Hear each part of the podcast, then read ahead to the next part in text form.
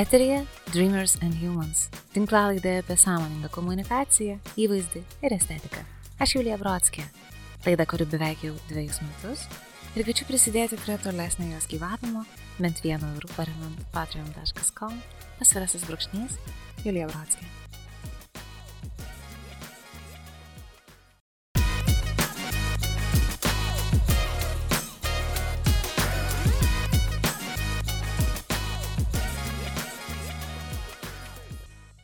Sveiki! Jūs klausotės pokalbio su brendo strategė, vizualinė identiteto dizainerė Lina Mas.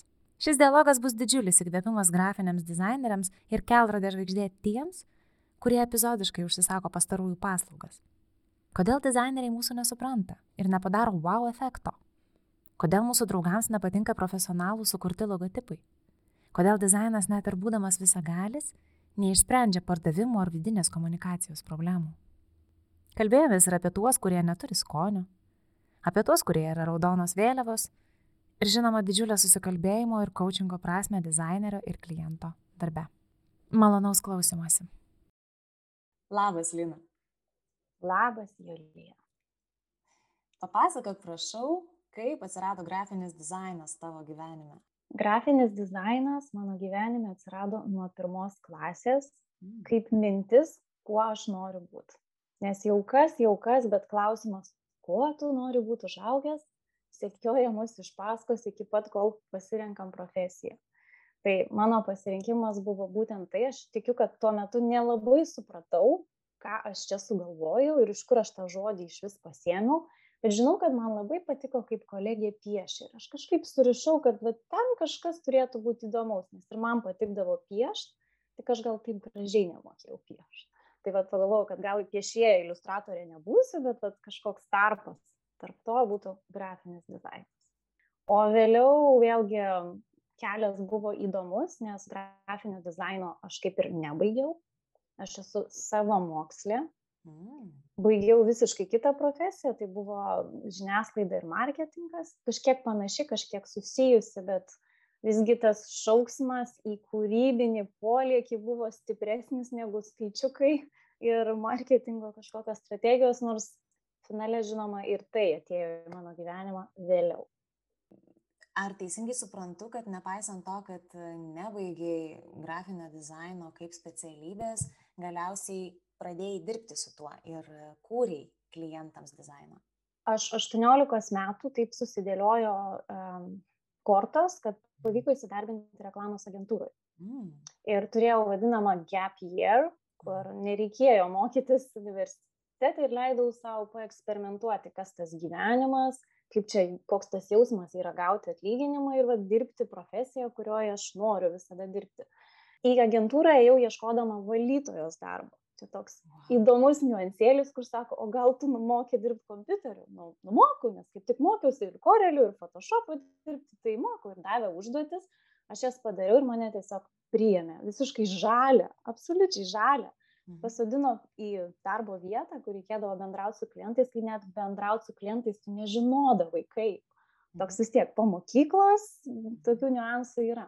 O vėliau, aišku, sekė kiti darbai. Dirbau e, agentūroje mažoje Kaune, vėliau buvau vienos įmonės dizainerė, o savo karjerą baigiau kūrybinį reklamos agentūroje, kur yra vienintelė Kaune. Mhm. Vėliau, žinoma, išėjau freelancing, nes supratau, kad aš noriu šiek tiek kitaip dirbti, negu, negu kad mačiau, kad dirba visos įmonės ir tas bendravimas su klientu visgi nebuvo kaip fluent, nebuvo nuoseklus.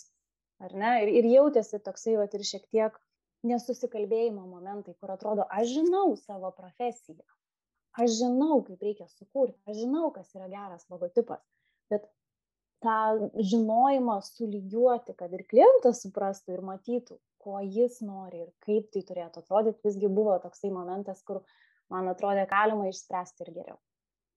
Tai vat šioje vietoje vėlgi ir pradėjau ieškoti, kaip tai galėtų atrodyti ir, ir atėjo tokie suvokimai, vėlgi pabaigus įvairius mokymus, kad galima įvesti tam tikrą dizaino procesą, padedantį klientui ir dizaineriui susišnekėti.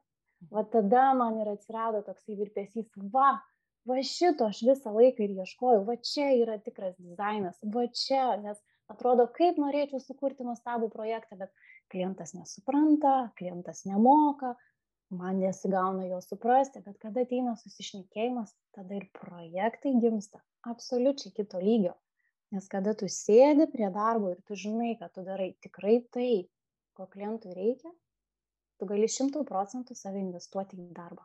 Negalvojant, ai, šitas netiks, ai, gal šitas irgi kitaip atrodytų, nežinau, ar klientui tiks, tai gal daug neinvestuosiu, nėra to žaidimo su varnom, to varnų šaudimo. Tai va, tada tikrai pasidarė labai gera dirbti ir džiaugtis savo profesiją.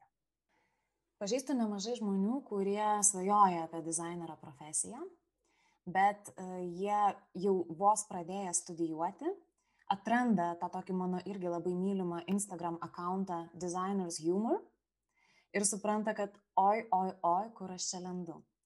Klausytojams, kurie nežino šitos paskiros, tai trumpai užsiminsiu apie tai, kad jinai yra kupina juokelių ir tikrų gyvenimo istorijų apie tai, kaip klientai bendrauja su dizaineriais ir atvirkščiai ir kaip dėl nesusikalbėjimo nuolatinio tenka kurti, kaip patys dizaineriai sako, šūdina dizainą ir kiekvieną dieną tiesiog užsiiminėti visokiais perdarimais dizainų ir galiausiai jaustis absoliučiai nelaimingam ir norinčiam mesti tą, taip pavadinkim, šių laikų visai svajonių profesiją, kuri leidžia dirbti iš bet kokio taško ir panašiai. Tai Lina, ar tu turi kažkokį atsakymą ir sprendimą, dizaineriam, kurie klausosi šiandien mūsų. Tai yra toks pažįstamas tas jausmas ir kai tu vardinai visus tuos dizainerio džiaugus, man prieš akis jie visi eina ir eina ne tik, kad aš juos mačiau, bet aš juos patyriau pati. Tikrai atsimenu situaciją, kada dirbau su startupu. Čia buvo um, prieš septynis metus, tai vėlgi gali detalės šiek tiek varijuoti, bet rezumė baigėsi tuo iš to dizainerių juokelio, kada baigiam dizainą, kada klientas mano rankomis sukūrė logotipą. Mm.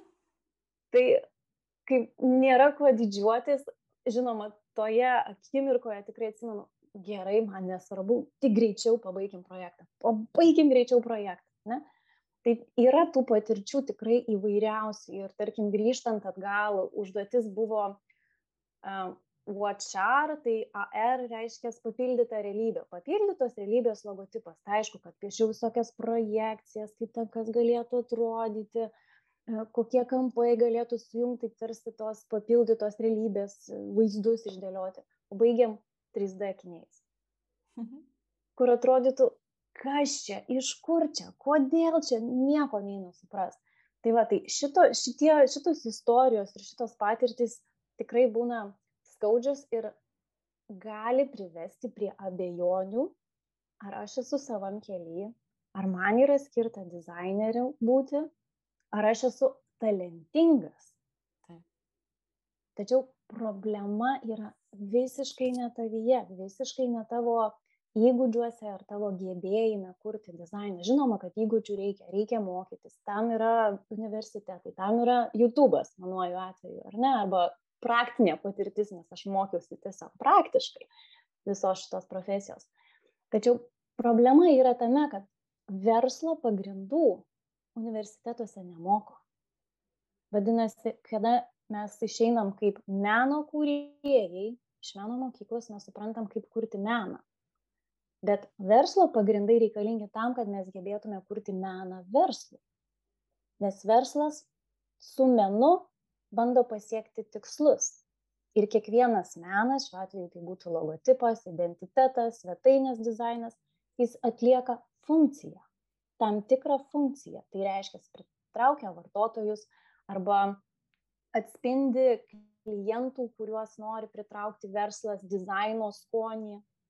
Ar ne? Ir tai yra jau verslo pagrindai, jau suvokimas, kaip veikia verslas. Kita medalio pusė, kad verslų mokyklose nemoko dizaino pagrindų. Mhm. Nemoko, kaip dizainas veikia. Ką mhm. mes turim? Nesusikalbėjimo skylę. Mhm. Ar ne? Nesusikalbėjimo tarpą. Ir šitoje vietoje ir yra va, tas klausimas, ir aš save puikiai atsimenu, kada aš identifikavau, kad, okei, okay, aš nesusikalbu su klientais ir aš turiu pasirinkimą. Arba galvoti, kad klientai pasikeis. Na, vieną dieną ateis vat, ir aiškiai pasakys, ko jie nori. Faktas, kad negaliu ant to pasikabinti, nes tai nėra stabilu. Tai kas lieka? Prisiemu atsakomybę savo. Tai yra ekstremali atsakomybė savo. Aš esu atsakinga už susikalbėjimą, ne klientas. Mhm. Vadinasi, aš galvoju, kaip padėti klientui man pasakyti, ko jis nori. Ir kad mūsų kalbos eitų, aš turiu kalbėti verslo kalbą ir jam padėti suprasti vizualiką. Ir šitoj vietoj, šitam tarpe ir atsiranda tas dizaino procesas. Bet ne vien dizaino procesas, bet ir susikalbėjimo metodas. Tam tikras susikalbėjimo metodas, kada aš užduodu klausimus ir nedarau absoliučiai jokių prielaidų. Įsivaizduoju, kad ateina klientas ir sako, labas, man reikia logotipo. Ir iškart gali ateiti prielaidos. Tai tu įkūrinėjai įmonę, tau reikia logotipo ir tarsi tas klausimas, o kodėl tau reikia logotipo toks beprasmis. Bet aš tą klausimą užduodu. Mhm. O kodėl tau reikia logotipo? Ir tada, wow, koks spektras galimybių atsiveria. Kažkas atsidarinėja parduotuvę ir jam reikia net ne logotipą, miškabas reikia. Kažkas atsidarinėja svetainę ir jam reikia ne tik logotipo, bet ir svetainės. Mhm. Ar ne? Ir iš to išplaukia, kad kada tu paklausi kliento daug daugiau klausimų, tam tikrą metodiką, tu iš karto gauni didesnį suvokimą, spektrą platesnį matai, perspektyva pasikeičia, ką tau iš tiesų reikia daryti ir kokiam kontekste tas menas, logotipas, identitetas, svetainė bus naudojama ir kokią funkciją atliks funkciją verslo tikslų siekiui. Mhm. Ir tada atsiranda absoliučiai kitas matymas, kas yra dizainas ir kaip jisai veikia. Ir kaip jį reikėtų kurti. Esu susidūrus ir su tokiam situacijom, kuomet e, labai būdavo tokių aha momentų, kai besiaiškinant klientui apie jo logotipo vizijas, paaiškėdavo, kad jis iš tikrųjų, jam iš tikrųjų net ne logotipo reikia. Jisai bando naujais dizaino sprendimais išspręsti pardavimo problemas, tarkim, kilstelėti pardavimus, atgaivinti juos, išspręsti kažkokias verslo strategijos problemas, bet net savo viduje kažkodėl tai neįsivardino to ir nusprendė, kad, na, rebrandinimas tada ar, ar dar kažkas tai turėtų įvykti. Ir tai yra labai įdomu stebėti iš šono. Taip, visiškai sutinku, Julija. Ir aš pati, kiek stebėdavau, tarkim, dizaino įtaką verslui. Ir kas mane galų galiai ir privedė prie strategijos mokymų, vat, kaip padėti verslams išsispręsti savo vidinius strateginius e, savireklamos klausimus, nes dizainas ne viskas. Nes būdavo situacijų, kurias aš puikiai atsimenu, kur sukuri gerą dizainą, nu, tikrai labai gerai atrodantis, modernus, naujas, šviežias ir po pusės metų įmonė bankrutuoja. Ir atrodo, gaila to darbo, gaila to verslo, atrodo, viską atidaviau, kad jam pasisektų, bet tai ir tas suvokimas, na, dizainas nėra visagalis. Mhm. Čia vėlgi žinutė eina ir įmonėms, kad dizainas galingas, mhm. bet ne visagalis. Jeigu yra viduje strateginių problemų, ką aš darau, kodėl aš darau, kam aš darau, kas yra mano klientas. Mes turime suvokimą apturėti, kad dizainas mums nepadės. Pirmas spręsti reikia tą pagrindą po kojom. Nes dizainas yra namo stogas, o kur yra pamatai. Mhm. E, beklausydama tavęs, e, prisiminiau labai konkrečių tokių istorijų ir atvejų iš mūsų darbo Klausytojams, kurie daugiausiai identifikuoja mane su komunikacija, konsultacijomis ir mokymais, tai noriu e, priminti, jog mano projektas Dreamers and Humans yra ne tik tai apie tai, bet ir apie tam tikrus dizaino sprendimus. Mes prieš keliarius metus su vyru kažkaip labai organiškai atėjome dizaino pasaulį, e, jis tiesiog atsitiko mums ir pradėjome daryti logotipus, interneto svetaines, elektroninės parduotuvės ir man atrodo, kad pačioj pradžioj mes padarėm visas įmanomas e, dizainerių pradedančiųjų klaidas. Pavyzdžiui, vienas iš tų tokių e, momentų, kurie būdavo, kad na, nors galva daužyk į sieną, kur nu, lyg ir viską išsiaiškinai, pakalbėjai, buvo daug tų pokalbių su klientu ir lyg ir mes visi esam on the same page. Bet tada, pažiūrėjau, tu nusinti jam savo draftą arba jau kažkokį galutinesnį variantą, kliento atsakymas. Aš netgi priskyriau tam tikrai kategorijai. Nėra wow efekto. Nu kaip ir viskas gerai, nu kaip ir man patinka, bet nėra wow efekto. Ir man tas nėra wow efekto, tai vienu momentu buvo tikrai virtęs tokiu kiksmažodžiu ir tik, tikriausiai auditorijoje irgi žmonių yra, kurie atlieps šitą situaciją, nes, na, atrodo tai taip beviltiška, tu pradedi nebesuprasti, kas yra wow efektas, ar tu turėjai jį kažkaip pasiekti, ar tai yra kažkoks subjektivus jausmas, kažkokia emocija, e, apie kurią tu neturi nemenkiausio supratimo ir, ir jo, iš tikrųjų, kaip ir tu pati sakai, pradedi kvestionuoti savo gebėjimus dirbti Photoshopu arba tiesiog girdėti žodžius. Taip, aš irgi prijaučiu šitam uh, išsireiškimui, nėra wow efekto, visiškai, visiškai prijaučiu. Ir galbūt aš jį netgi priskirčiau prie to dizaino vertinimo iš kliento pusės per subjektyvę prizmę. Aha.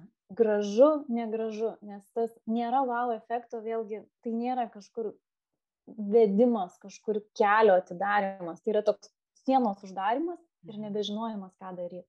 Mhm. Tai va, tai e, ką, ką šioje vietoje darydavai, Julija, kai gaudavai tokį komentarą?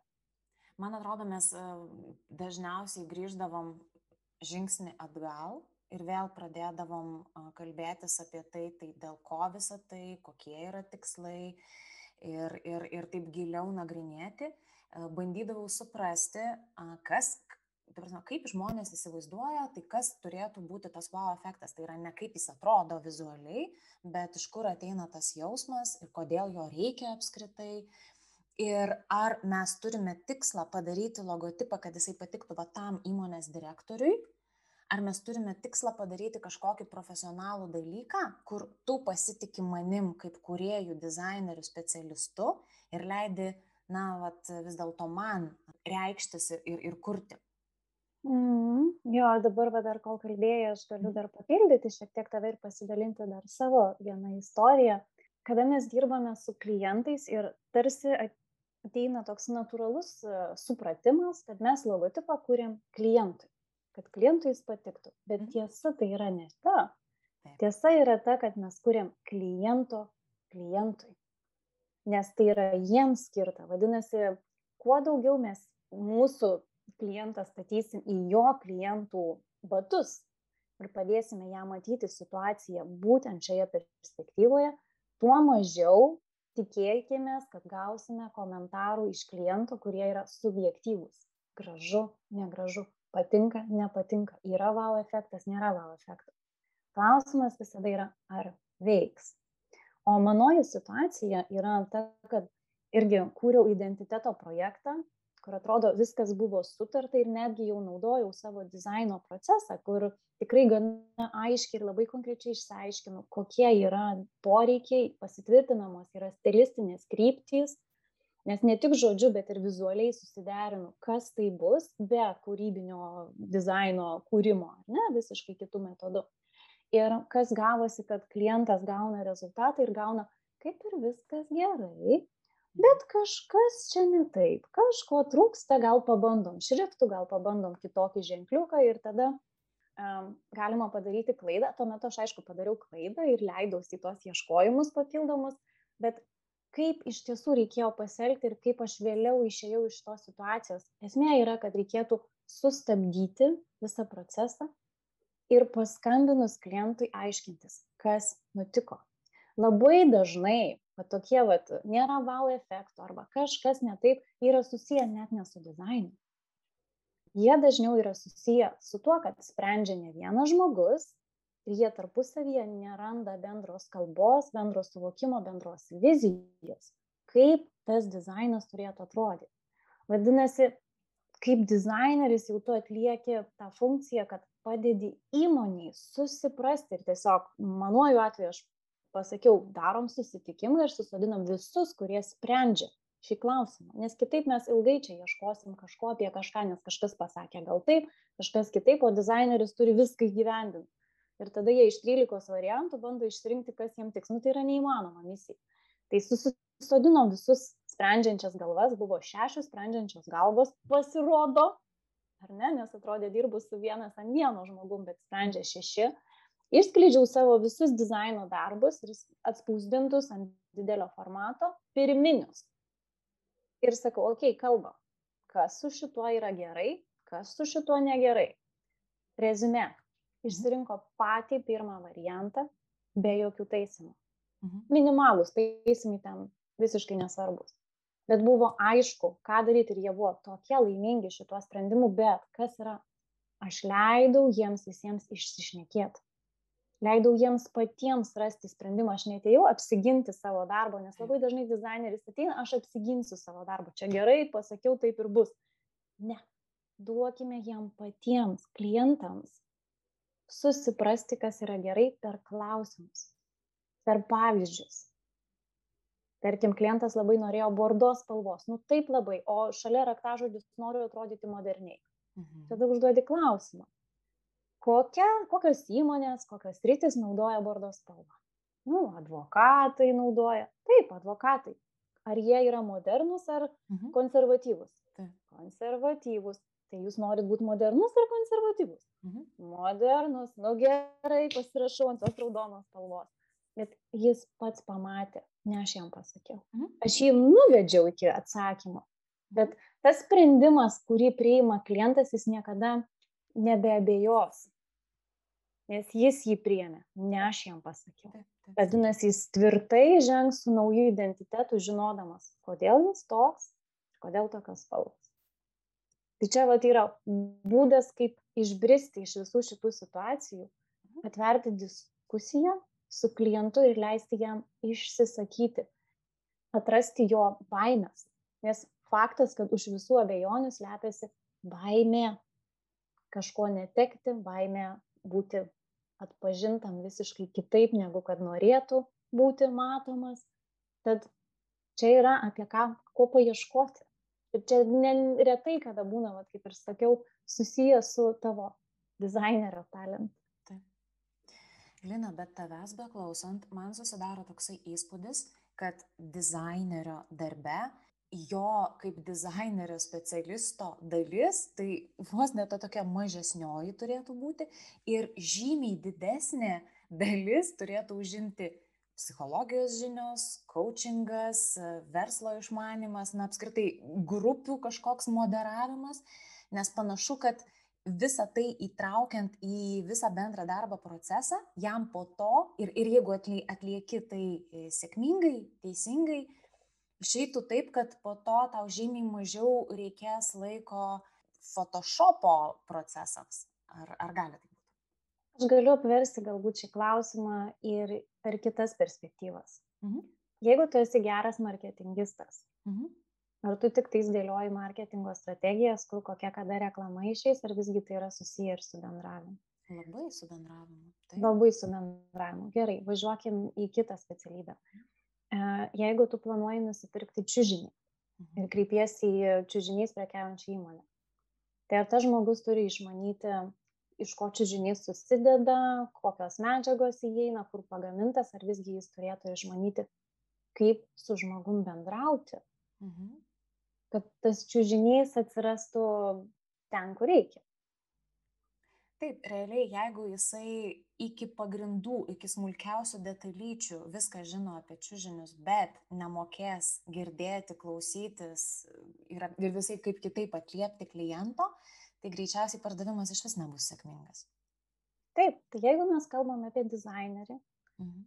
tai dizaineris, ypatingai jeigu jis yra laisvai samdomas freelanceris, ne, kuo mes visi siekiam būti, dirbti iš visų pasaulio kraštų, kur tik tais norim, tai mhm. nėra vien užduoties atlikimas.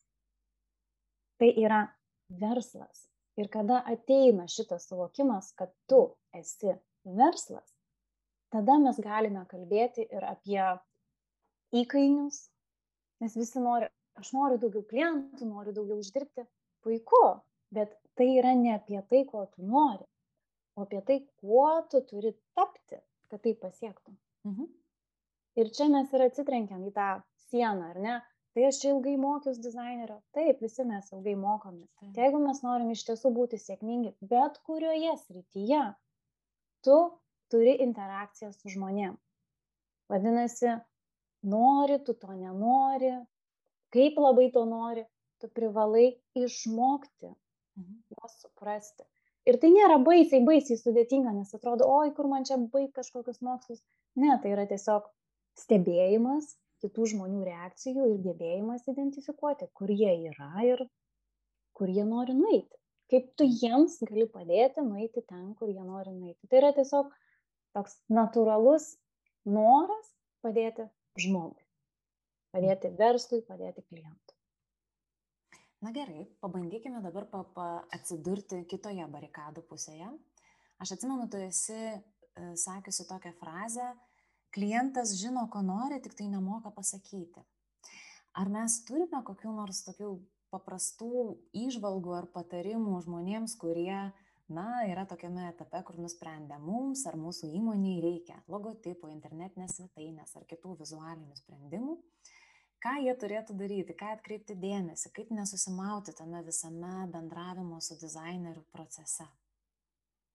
Yra metodai, kuriais galima šiek tiek padėti sau bendravime su dizaineriu. Tai mano patarimas yra toks, kad jeigu jau kūrėt verslą ir nesinori paslysti ties dizaino sprendimais, pradėkite nuo moodboardo, nuotaikos lentos sukūrimo, nuo vizijos, kokį identitetą jūs matote savo. Tai gali būti nuotraukos iš kitų, tarkim, įsivaizduokim, kad atidarinėjat skanėstų parduotuvę. Nuotraukos iš kitų parduotuvių, kaip jūs įsivaizduojat savo skanėstų parduotuvės interjerą. Paieškokite logotipų. Kokie logotipai jums patiktų, jeigu jie būtų jūsų. Sudėlioję tokią moodboardą, jūs tikrai kreipdamiesi į dizainerį, tikėtina rasit lengvesnį susišnekėjimo būdą. Mhm. Šiek tiek lengvesnį, bet vėlgi garantijų jokių nėra, nes priklauso nuo dizainerių. Jeigu ieškot pigaus sprendimo, nu, pigų ir gausit, faktas. Mhm. mhm. Nes vėlgi dizaineriai, galima sakyti, yra dviejų kategorijų. Pirmas, kuris priima užsakymą. Labas, kokios spalvos, koks šriftas, kokia forma, va prašau, padariau. Ir dizaineris, kuris nori suprasti, kur jūs esat ir kur norit nueiti. Mhm. Ir dizainas jau yra ne apie tai, kad reikia logo, va logo, bet kokią emociją aš noriu sukurti savo vartotojui mhm. dizaino sprendimais. Ir aišku, tas emocija, nuotaika, patirtis sukuriama ne vien dizaino sprendimais, tai yra tik maža dedamoji, bet jinai gana svari ir gana didelė ir jie galima sumodeliuoti vėlgi tinkamą lygmetą patirtį ir sukurti savo įmonės reputaciją, kurią ir norite sukurti. Taip. Tinklalaidai Dreamers and Humans jau beveik dviejų metai. Jį lydi jūs prie kavos podelio kelionėse, pasivaikščiojimuose, o taip pat juos klausomuose universitetuose ir kolegijose. Ačiū Jums. Nuo šiol už tinklalaidės kuriamą vertę galite atsidėkoti ir eurais, kad ir vienu euru. patreon.com pasvirasis brūkšnys Julija Brodskė. Ačiū. Tu žinai, kas man didžiausia siauba kelia? aš labai labai dažnai matau kai kuriuose feisbuko grupėse bet kartais tai būna ir tiesiog instagram postai kuomet žmonės pasisamdę dizainerį mm, pasidaro kokius septynis aštuonis logotipo variantus bet gali būti ir mažiau čia ne tiek svarbu. Ir jie tose grupėse arba ant savo sienų tuos visus variantus išpaustina ir prašo savo sekėjų arba grupių dalyvių pakomentuoti ir padėti išsirinkti logotipą. Man tai atrodo tokio nesąmoningumo kelias ir, ir, ir toks blogas sprendimas taip daryti. Aš jau aišku nešneku apie tuos atvejus ir man pačiai yra tekę su tuo susidurti, kuomet padarai klientui logotipą ir jisai parodo visai savo giminiai, visai savo šeimai ir visa šeima turi aiškę nuomonę apie tai, koks tai yra dizainas. Ir nu, nors, nors užsimušk. žinok julija tu man priminei vat visiškai šviežią situaciją čia dar pavasarį buvo kad su, su dizainerių sambūriu, su mokymais, kuriuos, su kuriais aš dirbau, kūrėme logotipą. Ir sukūrėme logotipą ir visą stilis, stilis, kaip stylescape, kaip tas logotipas ir kur turėtų būti naudojamas. Ir klientas buvo laimingas, išsirinko, jam patiko ir už ten trijų dienų man skambina. Lina, aš nusinčiau šitą logotipą savo draugui. Ir jis įsakė, kokį tu čia briedą susikūrėjai. Aš jau klausiu, puiku, ką klientas matė? Nu, ne klientas, jo draugas, ką jis matė? Nusinčiau tik logotipą. Puiku, sakau, o jis matė vaizdą kontekstas, kad tu logotipo vieno niekada nenaudos, yra kontekstas, jis visada bus kažkur. Ir jisai, ne, nesinčiau. Tai sakau, ar mes galime vadovautis kažkieno nuomonė, nes visi turės savo nuomonę. Klausimas yra, kokią tu kaip klientas matai viziją savo. Ir čia vėlgi stuburo turėjimas, vizijos turėjimas, kur aš matau save. Ir faktas, kad po to pokalbio tas klientui, klientui vėlgi atėjo tas suvokimas, kad viskas čia gerai, aš tikrai susikūriau gerą ženklą, bet kiekviena ta nuomonė ir kiekvienas žmogus turės nuomonę tikrai muša iš vėžių. Mhm. Tad visada reikėtų prieš duodant kažkam vertinti dizainą, paklausti, ar tas žmogus turi kompetenciją jį vertinti. Čia viskas yra apie kompetenciją. Ar jis turi suvokimą, kokiam kontekste, kokius santykius tu bandai sukurti, kokį kokią reputaciją savo įmonėje bandai sukurti su, tuo, su tais dizaino sprendimais.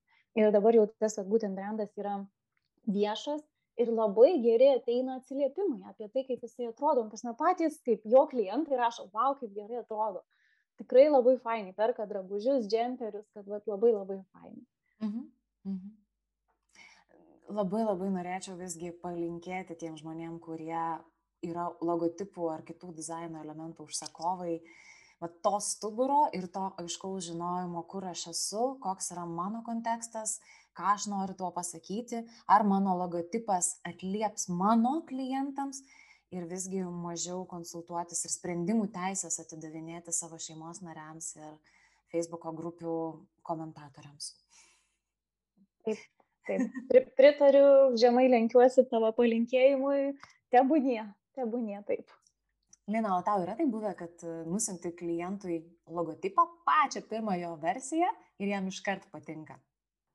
Taip, taip yra buvę, kada siunčiau netgi ne logotipą, mhm. o struktūrinį logotipo sudėliojimą, kuriuo metu tu bandai įsivertinti, kaip raidės atrodo, kokias kombinacijas iš raidžių gali sudėlioti, kas su kuo galėtų jungtis, ar reikia ženklo, nereikia ženklo. Tai tokį ženklą, kurį sukūriau per penkias minutės, prie stilistinių krypčių buvo, oh, mums šitas patinka, mums šitas labai labai labai fainas. Sakau, palaukit, čia dar net neženklas. Palaukit, palaukit, stop, sakau, čia tik pasirinkim kryptį, o tada jau ženklus kursim.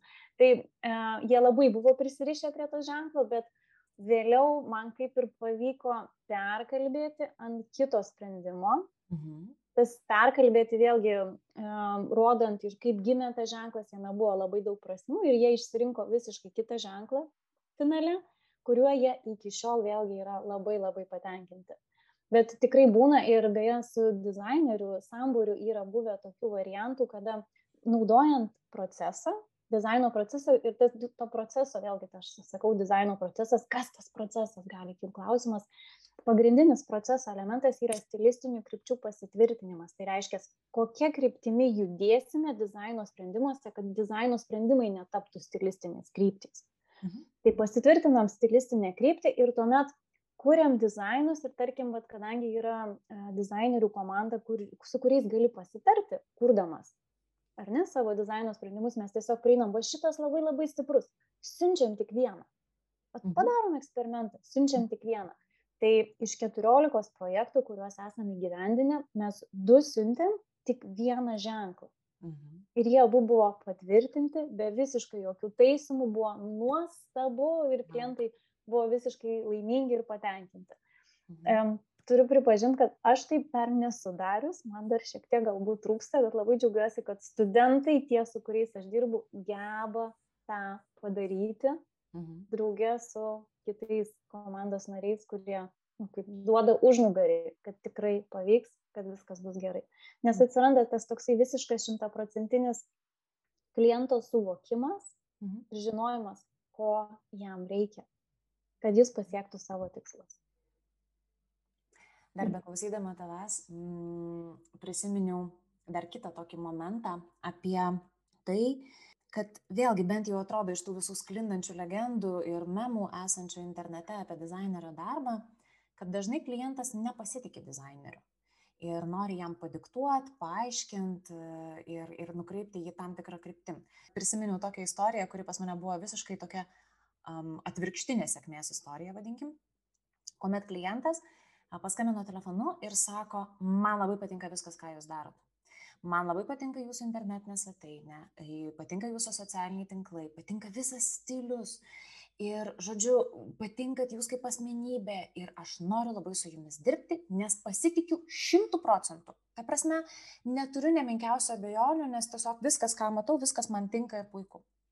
Istorija baigėsi tuo, kad e, teko gražinti klientui avansą, nes visiškai nesusišnekėjome ir tai yra galbūt vienintelis kartas man, mano vat, viso šitoje darbo istorijoje, kad visiškas šimtaprocentinis pasitikėjimas, bet kuo toliau kalbam apie kryptį, tuo labiau aš matau, kad tai yra visiškai ne apie mane ir visiškai ne tai, kaip aš atrodau ir ne mano estetika absoliučiai.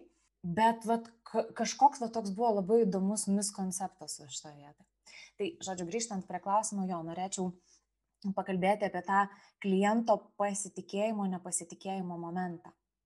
Puiku, galėsim pakalbėti apie kliento nepasitikėjimo momentą po to, kai aš šiek tiek norėčiau pakomentuoti tavo į atvejį, mhm. nes tiesiog yra toksai terminas, mhm. angliškai vadinamasi red flag, mhm. arba aš vadinu tai raudonos lempos klientai. Mhm. Esmė yra tame, kad ne su visais klientais mums yra lemta susidirbti. Kaip ir klasėje, tu bendravai su Agne, Renata ir Marija, bet mhm. Skaistė ir Vaiva kažkaip buvo ne tavo vaibo žmonės.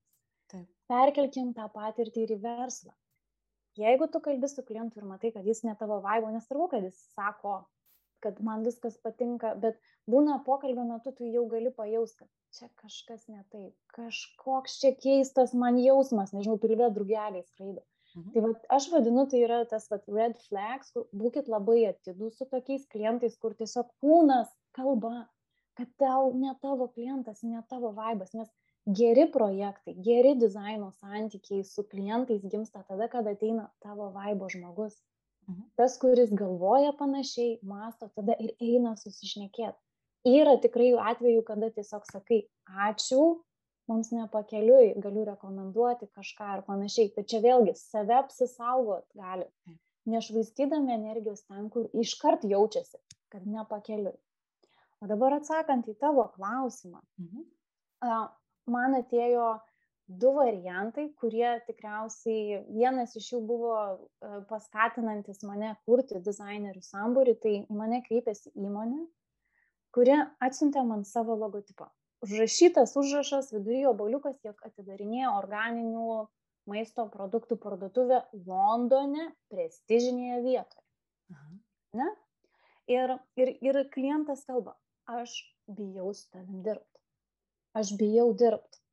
Nes kiek aš bendrauju su dizaineriais, tiek jie man daro nesąmonės. Jie negirdi, ko aš noriu aš tikrai bijau, kaip tu man garantuosi rezultatą. Ir jis mane stato į tokią nemalonę padėtį, kur tarsi aš turiu kažką žadėti. Ir šioje vietoje atsiranda, va, vėlgi, metodai ir taktikos, gal skamba labai aukštom frazėm, bet toks natūralus momentas, kada aš nieko nebežadu, aš jį stumiu atgal. Sakau, aš tau nieko nežadu. Aš galiu tik tais kalbėti rezultatais, kuriais aš pasiekiau anksčiau ir aš bandžiau jį tiesiog atkalbėti, dirbti su manimi. Mhm. Bet tas atkalbėjimo momentas ir buvo galbūt tas, ta priežastis, dėl ko man už penkių minučių po pokalbio rašė, okei, okay, bandom, vedu avansą. Ir mhm. jis pasitikėjo manim ir mano procesu. Ir atrodo, čia būtų kaip rizikingas klientas, nes jis jau ateina su absoliučiu nepasitikėjimu net ne man, o dizainerio profesijai, kas ir yra didžiulė problema šiai dienai. Mhm. Nes verslai nustoja pasitikėti dizaineriais, nes jie per daug, per dažnai nusvyla iš santykių ir bendradarbiavimo su jais. Tai rezumė viso šito projekto buvo, kad klientas nežinojo, kurį variantą rinktis, nes du buvo labai labai geri. Jam buvo ne tai, kad neturiu iš ko rinktis, bet jie ant tie geri, kad nežinau, kurį rinktis. Ir atsirado vėlgi tikėjimas savo viziją, tikėjimas savo um, verslo idėją, Nes va, dėl, kuo, kuo dar dizainerio ta va, profesija yra labai smagi, kad sukurdamas tinkamą identitetą ir pravesdamas klientus per tą procesą e, nuosekliai, tu atgaivini jų pačių norą daryti, jų motivaciją kurti ir tikėjimą, kad jiems pavyks. Bet šitą tai aš jau pastebėjau, nežinau, iš kiek projektų. Nes buvo Lina, tu gražinai mums tikėjimą. Mhm. Kaip man tai pavyko? Mhm. Bet dizainas turi ir, ir tas vat, tinkamos dizaino patirtis sukuria tai. Ir tai yra nuostabiausias dalykas, ką dizaineris savo rankom gali duoti klientui. Mhm. Tai nėra logotipas. Taip. Tai nėra sprendimai, tai nėra spalvos, šriftai tai yra kur kas daugiau. Labai norisi palinkėti dizaineriams ar būsimiems dizaineriams būtent tokią vertę kurti. Tai tikrai skamba labai organiškai, labai holistiškai, labai patinka. Mhm. Aš dar, žinai, grįždama prie kliento, turiu tokį klausimą, visiškai spontaniškai atėjo į galvą. Ar teisinga klientui rinktis žmogų, su kuriuo jisai dirbs, grinai iš jo portfolio? Ar turėtų visgi kažkaip pasitikrinti vertybės, pabendrauti su būsimu dizaineriu. Nu, bet aš irgi vis, vis norėdama užbėgti už akių ir galvodama apie tai, kad juk jiems teks daug bendrauti, kalbėtis, kad kažkaip nu, turi tas vaibas būti bendras, teisingai, ar ne? Manau, kad taip, Julija, visiškai teisingai, kad portfolio dizainerio irgi yra labai labai svarbus. Ar mhm. ne, nes e, kiekvienas dizaineris eigoje savo profesijos, jeigu dirba ilgą laiką, jis atranda savo tam tikrą stilių, kuriame jam sekasi kurti, kuriame jam smagu kurti ir gaunasi geri rezultatai. Tai portfolio yra labai svarbus. Tarkim, kaip tavo pavyzdėje buvo, mhm. kad viskas man patinka, ką tu darai, ką kuri, bet kuo mhm. toliau kalbant, tuo labiau matom, kad daugiau eina į kitą prizmę, ne? Mhm. nes yra spektras, kurį tu gali dengti ir spektras, kurio, tarkim, tu nesupranti man asmeniškai yra tekę vat irgi atsisakyti tokių projektų, kur mhm. mane bando versti sukurti tai, ko aš nebesuprantu. Ir šioje vietoje nu, aš negaliu sukurti, nes aš nepas, nes nu, nesuprantu, kas tai per dizainas ir ant ko jisai stovi, nebėra pagrindo po kojom. Tai šioje vietoje aš šitos vietos jau tikrai šimtų procentų atsisakau. Bet tarkim, kada klientas peržiūri keletą portfolio ir randa patinkančių dizainerių, mano rekomendacija vėlgi kaip dizainerės yra paklauskit dizainerio apie jo procesą. Mhm. Kokį jis naudoja procesą, kad galėtų ateiti iki tokių sprendimų. Nes tas, kas neturi proceso, tai didžiaja dalimi, vėlgi, aš, aš negaliu teikti, kad niekas neturi proceso, čia tik aš turiu. Tikiu, kad turi procesą kažkokį, mhm. kažkas. Bet pasitikrinkit, nes jeigu tai yra varnų šaudimas, situacija maždaug atrodo taip, man reikia logo, kokio logo, šie keli klausimai ir va, prašau, dizaino sprendimai jau yra sudėtingiau. Jeigu mes einame užsisakyti interjero, ne, bet įsivaizduokime, įsirenginėjom namus, kreipiamės į interjero specialistą, mhm. pašnekam valandėlį ir jis mums čia tau vizualizacijas atsiunčia. Mhm. Pilnas 3D vizualizacija, mums jos nepatinka. Mhm. Ką mes galvojame apie tą interjero dizainą?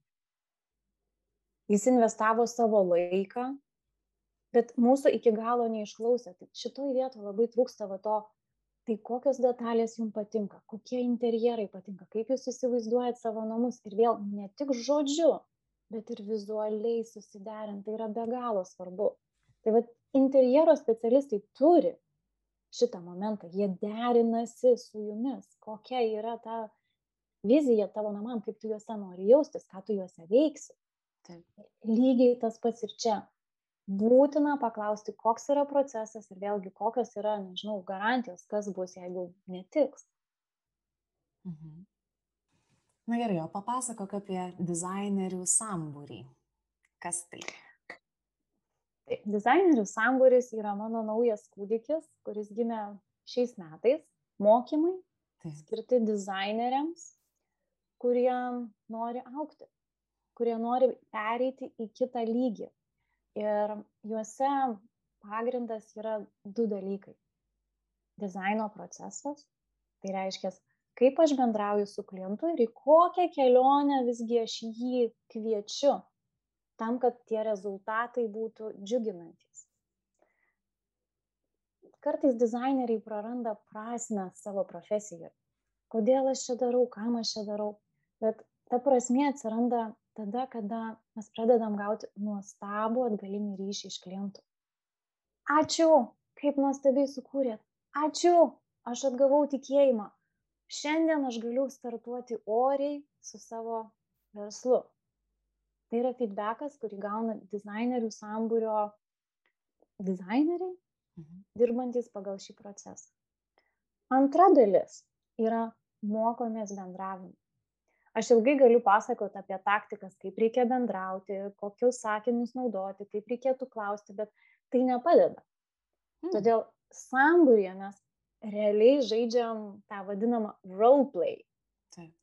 Kur žaidžiame žaidimą, tarkim, tu esi klientas, aš esu dizaineris ir mes būnam įvairiose situacijose ir bandom tas taktikas į save įauginti, kad tu išėjęs iš sambūrio tu iš tiesų mokėtum paklausti ir mokėtum būti nuoširdus su klientu. Ir tas nuoširdumas vėlgi yra ne vien tik tais būti nuolankus klientui, ką tu nori, va aš padarysiu, va aš toks geras, nes čia vėl yra balansas visur, ne, nes mes galime būti nuolankus, bet mes galime ir laikyti savo stuburą.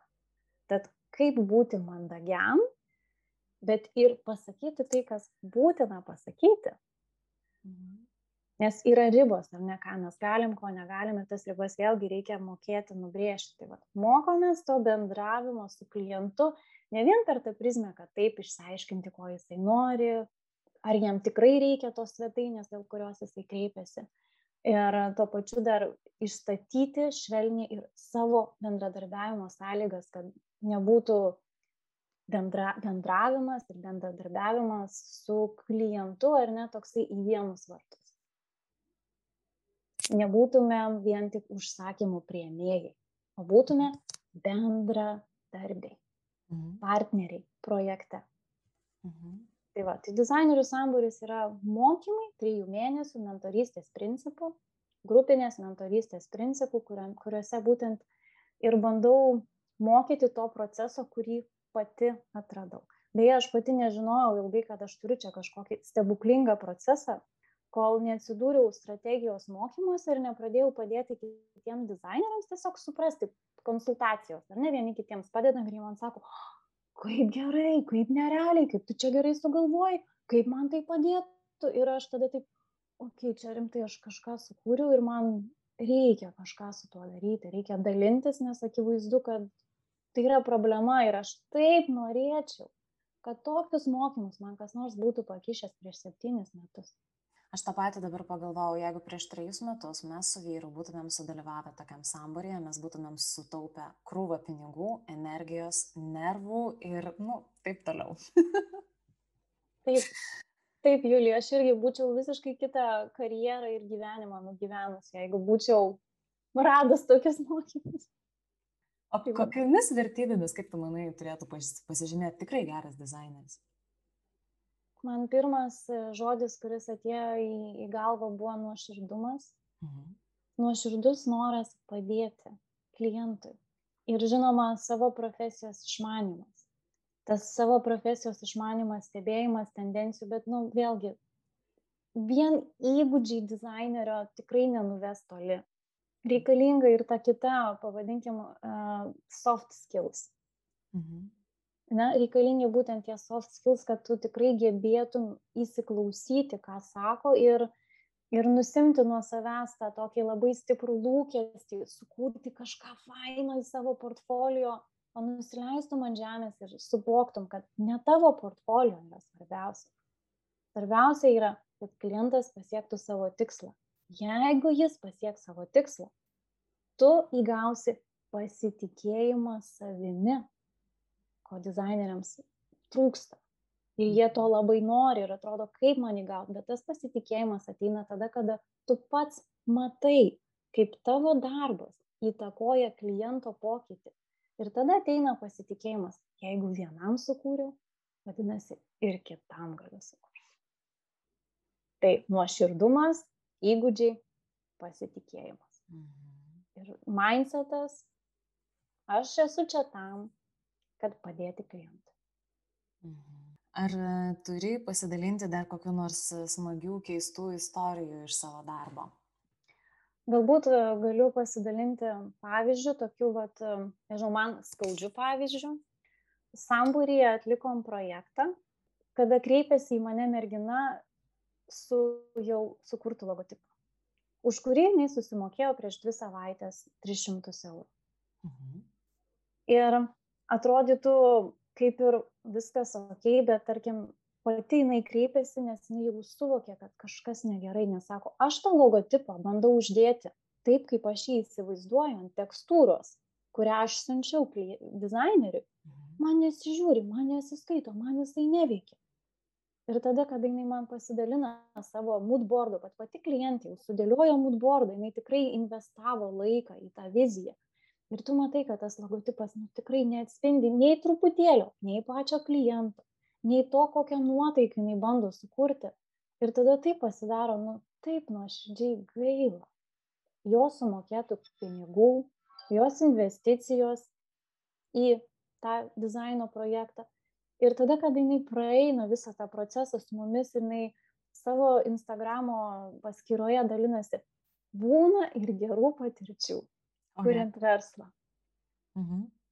Ir vėlgi tu gražini tikėjimą atgal, kad įmanoma kurti verslą, turint geras patirtis ir, ir tą tikėjimą, kad, nu, okei, okay, aš kažkada paleisiu tą savo parduotuvę ir aš didžiuosiuosi tuo, ką matau ir taip, kaip aš atrodo. Tai vad man labiausiai gaila vat, tų momentų, tų klientų, kurie susimoka ir gauna absoliučiai ne tai, ko norėtųsi. Tai vad norėtųsi kažkokiu būdu keisti tą požiūrį, keisti tas patirtis, tas dizaino pat, patirtis, kad na, atgautų klientai tą tikėjimą apskritai dizainerio profesiją. Nes ne vienas atvejis yra būtent toks, kada kreipiasi, turėdami, atsiprašom, šūdinus sprendimus, už kuriuos jau susimokėjo. Beklausant tavęs, pradedu galvoti apie tai, kad šitą elementą mokėjimo išsiaiškinti, ko reikia žmogui ir tokio gilaus, gilaus įėjimo į jo tikslus, stilistiką, skonį galime pritaikyti vos ne kiekvienai profesijai. Aš dabar galvoju, žinok, apie visas nenusisekusias fotosesijas, nusamdytus socialinių tinklų komunikacijos specialistus ar vestuvių organizatorius. Na, ta prasme, praktiškai tikriausiai visos šitos profesijos ir dar daugiau galėtų pasimokyti ir įsikvėpti tuo, kad jo, mes turime labai labai gerai suprasti savo klientą, o ne, jam, o ne gavę užklausą iškart sakyti, taip, galiu padaryti. Ir, ir, ir viskas, ne? Nu, ką mes iš tikrųjų dažnai darome, mes ypatingai jeigu pradedam, startuojam, mes norime imti kiekvieną užsakymą, mums reikia po truputėlį kaupti patirtį, mums reikia savo vardą užsiauginti, kad rekomendacijos atsirastų. Ir atrodo, kad viską, viską reikia griepti, bet labai labai esminį momentą praleidžiam. Visiškai, visiškai, visiškai šimtų procentų su tavim sutinku, dėl to dizainerių sambūris ir nėra apribotas vien identitetu. Jame gali būti ir svetainės dizaineriai, ir iliustratoriai, nes tas procesas, kuo jis yra unikalus, kaip ir tu paminėjai, gali būti pritaikomas bet kur. Aš asmeniškai esu kūrus net parodos apipavydalinimą, mhm. naudodama tą patį procesą. Kalėdinių atviručių nekenčiu nekenčiu kalėdinių atviručių. Naudojant šitą procesą, stilistinių krypčių suderinimą, mhm. aš sukūriau gana lengvai ir man visai patiko. Mhm. Man buvo įdomu ir tai yra visai kitas jausmas, negu kad atsisėdu ir bandau atspėti, kada dirbi ir tu nežinai, ar tu savo laiką investuoji ten, kur reikia. Tu nežinai, ar pavyks. Bet kada tu dirbi ir žinai maždaug, kuria kryptim dirbti, yra visai kitas pasitenkinimas darbo. Tad taip labai norėčiau, kad tai nukeliautų ir į kitas rytis, bet šiai dienai apsiriboju dizaineriais, nes ir su jais yra ką veikti. Lina, mes dažnai su draugiam pasikalbam, nes tikrai stebim internetinį pasaulį ir esame interneto entuziastės ir visos kažkaip susijusios su dizainais, estetika, marketingu, viskas labai įdomu ir gražu. Bet žinai, mes esam pasidariusios tokią liūdną išvadą, ir dažnai ir pasijuokiam iš savęs ir sarkastiškai pakankamai žiūrim į pasaulį, nes, na, kažkuriame taške, žinok, teko pripažinti, kad na, didžioji visuomenės dauguma vis dėlto neturi skonio. Neturi skonio, kaip rengtis, kaip turi atrodyti internetinės svetainės. Yra kažkokia tokia didelė pilka masė žmonių, kuriems reikia Akropolio banerių. Ir tada kartais atrodo, o Dieve, kodėl mes šitam pasaulyje iš vis veikiam, dirbam, nes čia vis tiek niekas nieko nesupranta. Niekas nesupranta, kas yra gražu, o daugumai gražu yra kažkokias nu nesąmonės. Turi komentarą šitoje vietoje? Turiu šiokį tokį požiūrį į šitą vietą. Aha. Um, Taip galima susitapatinti su mase, kuri galbūt neturi skonio, tačiau kas liečia darbinę profesiją, vėlgi galime žvelgti į tai, kad galime pritraukti klientus, kurie turi skonį, mhm. arba bent jau vibruoja tą pačią vibraciją, kurią mes turim, kur mes juos galim suprasti iš pusės žodžių ir jie mūsų supranta. Kitos momentas, kaip dizaineriai, kaip brendo strategai, mes galime atlikti tą funkciją, kuri reikalinga edukuoti. Aha. Šiek tiek edukuoti. Ir kada, kada tarkim, vat, turime vat, vėl tą patį dizaino procesą, mes leidžiame šiek tiek jį edukuoti, leidžiame jį vesti link tinkamesnio, geresnio sprendimo. Kada nėra to proceso, tada, tarkim, vat, kaip buvo tavo klausimas, ką daryti verslo, jeigu jis nori pradėti. Ir mano patarimas buvo susikurkit moodboardą viskas yra labai gerai tačiau jeigu verslas neturės skonio jis tikėtina tuos pavyzdžius susirinks ne visai aukšto lygio kokius galėtų atrinkti dizaineris Taip. Tai čia irgi yra niuansėlis šioks toks, apie kurį reikėtų pagalvoti. Bet edukavimo forma visada egzistuoja ir mes galime atlikti tą funkciją. Mhm. Tai kitaip tariant, tu nori pasakyti, kad jeigu vis dėlto nusprendėme dirbti su tokiu klientu, kur mums galbūt atrodo, kad čia neturi žmogus arba visa įmonė skonio, kad mes galim truputėlį nugidauti jį į kažkokį tai tašką? Aš manau, kad taip galima. Tikrai, tikrai galima. Ir vėlgi aš galiu eiti per savo patirtis, kada įmonė tarsi nelabai turi suvokimo ir atrodo tikrai, tikrai nekaip ir kreipiasi į mane dėl rebrandinimo, ar ne? Ir tarsi yra prisirišę prie bordos spalvų, tokių konservatyvių ir panašiai. Bet jie nori atrodyti moderniai, bet jie nelabai žino, kas yra tas modernus jausmas, kaip atrodyti moderniai. Tada, kada jie pamato, kaip jie gali atrodyti, jie nu, pasikelia į kitą lygį. O, aš taip galiu atrodyti. Mhm. Ir atsiranda tas toksai suvokimas ir uh, kas, kuo galiu pasidžiaugti, kad jam savo socialiniai medijai pavyko tą modernumą ir išlaikyti, kuris buvo sukurtas. Mhm. Vadinasi, vilties yra.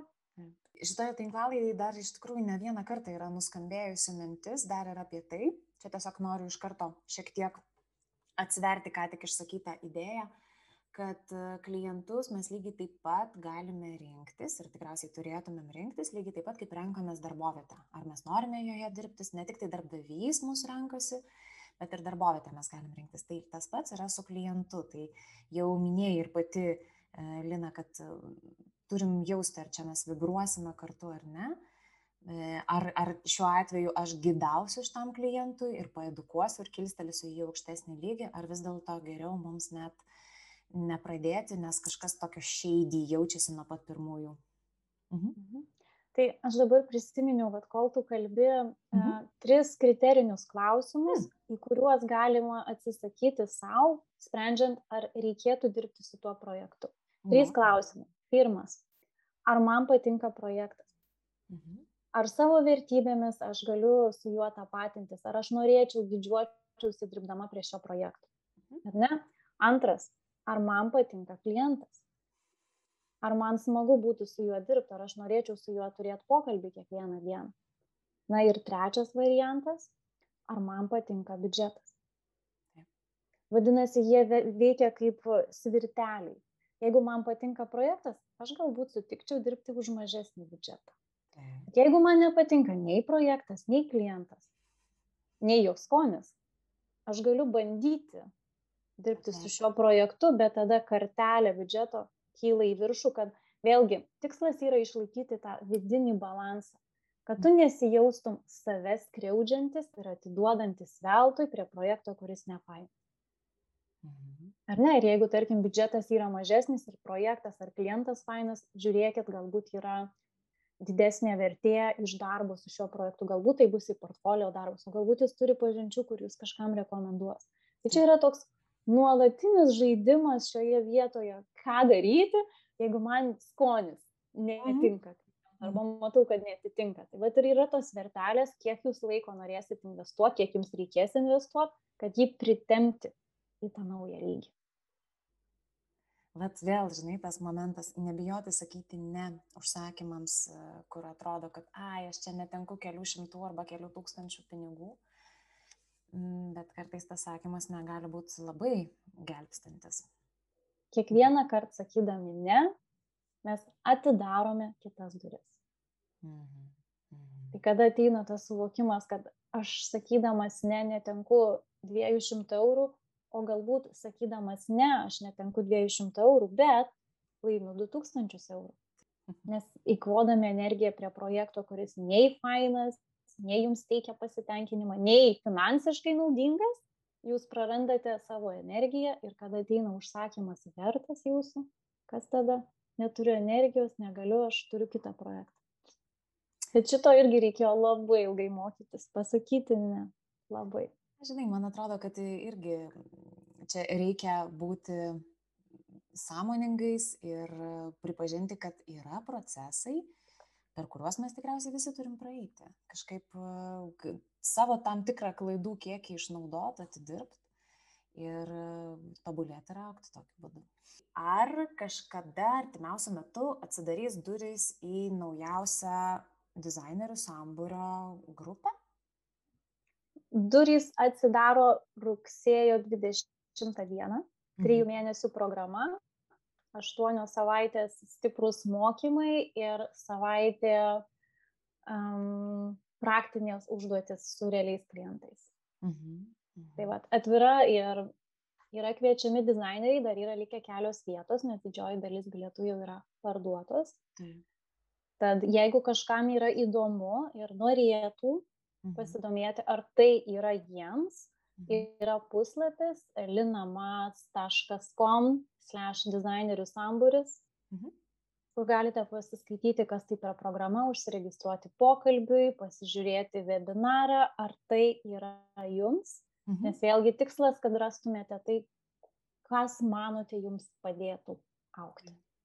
Lina, o kaip tave galima būtų susirasti, pasiekti, jeigu kas nors sugalvotų, kad norisi ir daugiau matyti, ką tu veiki? Mhm. Tai aš turiu puslapį savo linamaz.com, .com, e, tenais galite pasižiūrėti ir keletą mano darbų, rasti keletą straipsnių, o pasiekti galite mane dviejose Instagram akantuose, tai linamaz branding. Mhm. Jame yra angliškas turinys ir yra dizainerių sambūris, lietuviškas turinys, neseniai atidarytas skiltis, tai stengiuosi palaikyti um, kaip uh, dažnumą, bet būna visai, vėlgi vadovaujasi jausmu, ne algoritmais, nes nenoriu sukelti savo burnauto, tad bandykite pasiekti tenai. Mhm. Gerai, ačiū visas aktyvas nuorodas, aš paliksiu epizodo aprašymą. Ir labai labai noriu padėkoti už tikrai tokią kitokią laidą visame mūsų epizodų vandenyne. Ir labai labai tikiuosi, kad tiem, kurie svajoja apie šitą profesiją arba jau yra joje, mums pavyko atsakyti į tam tikrus klausimus. Linkėjimai.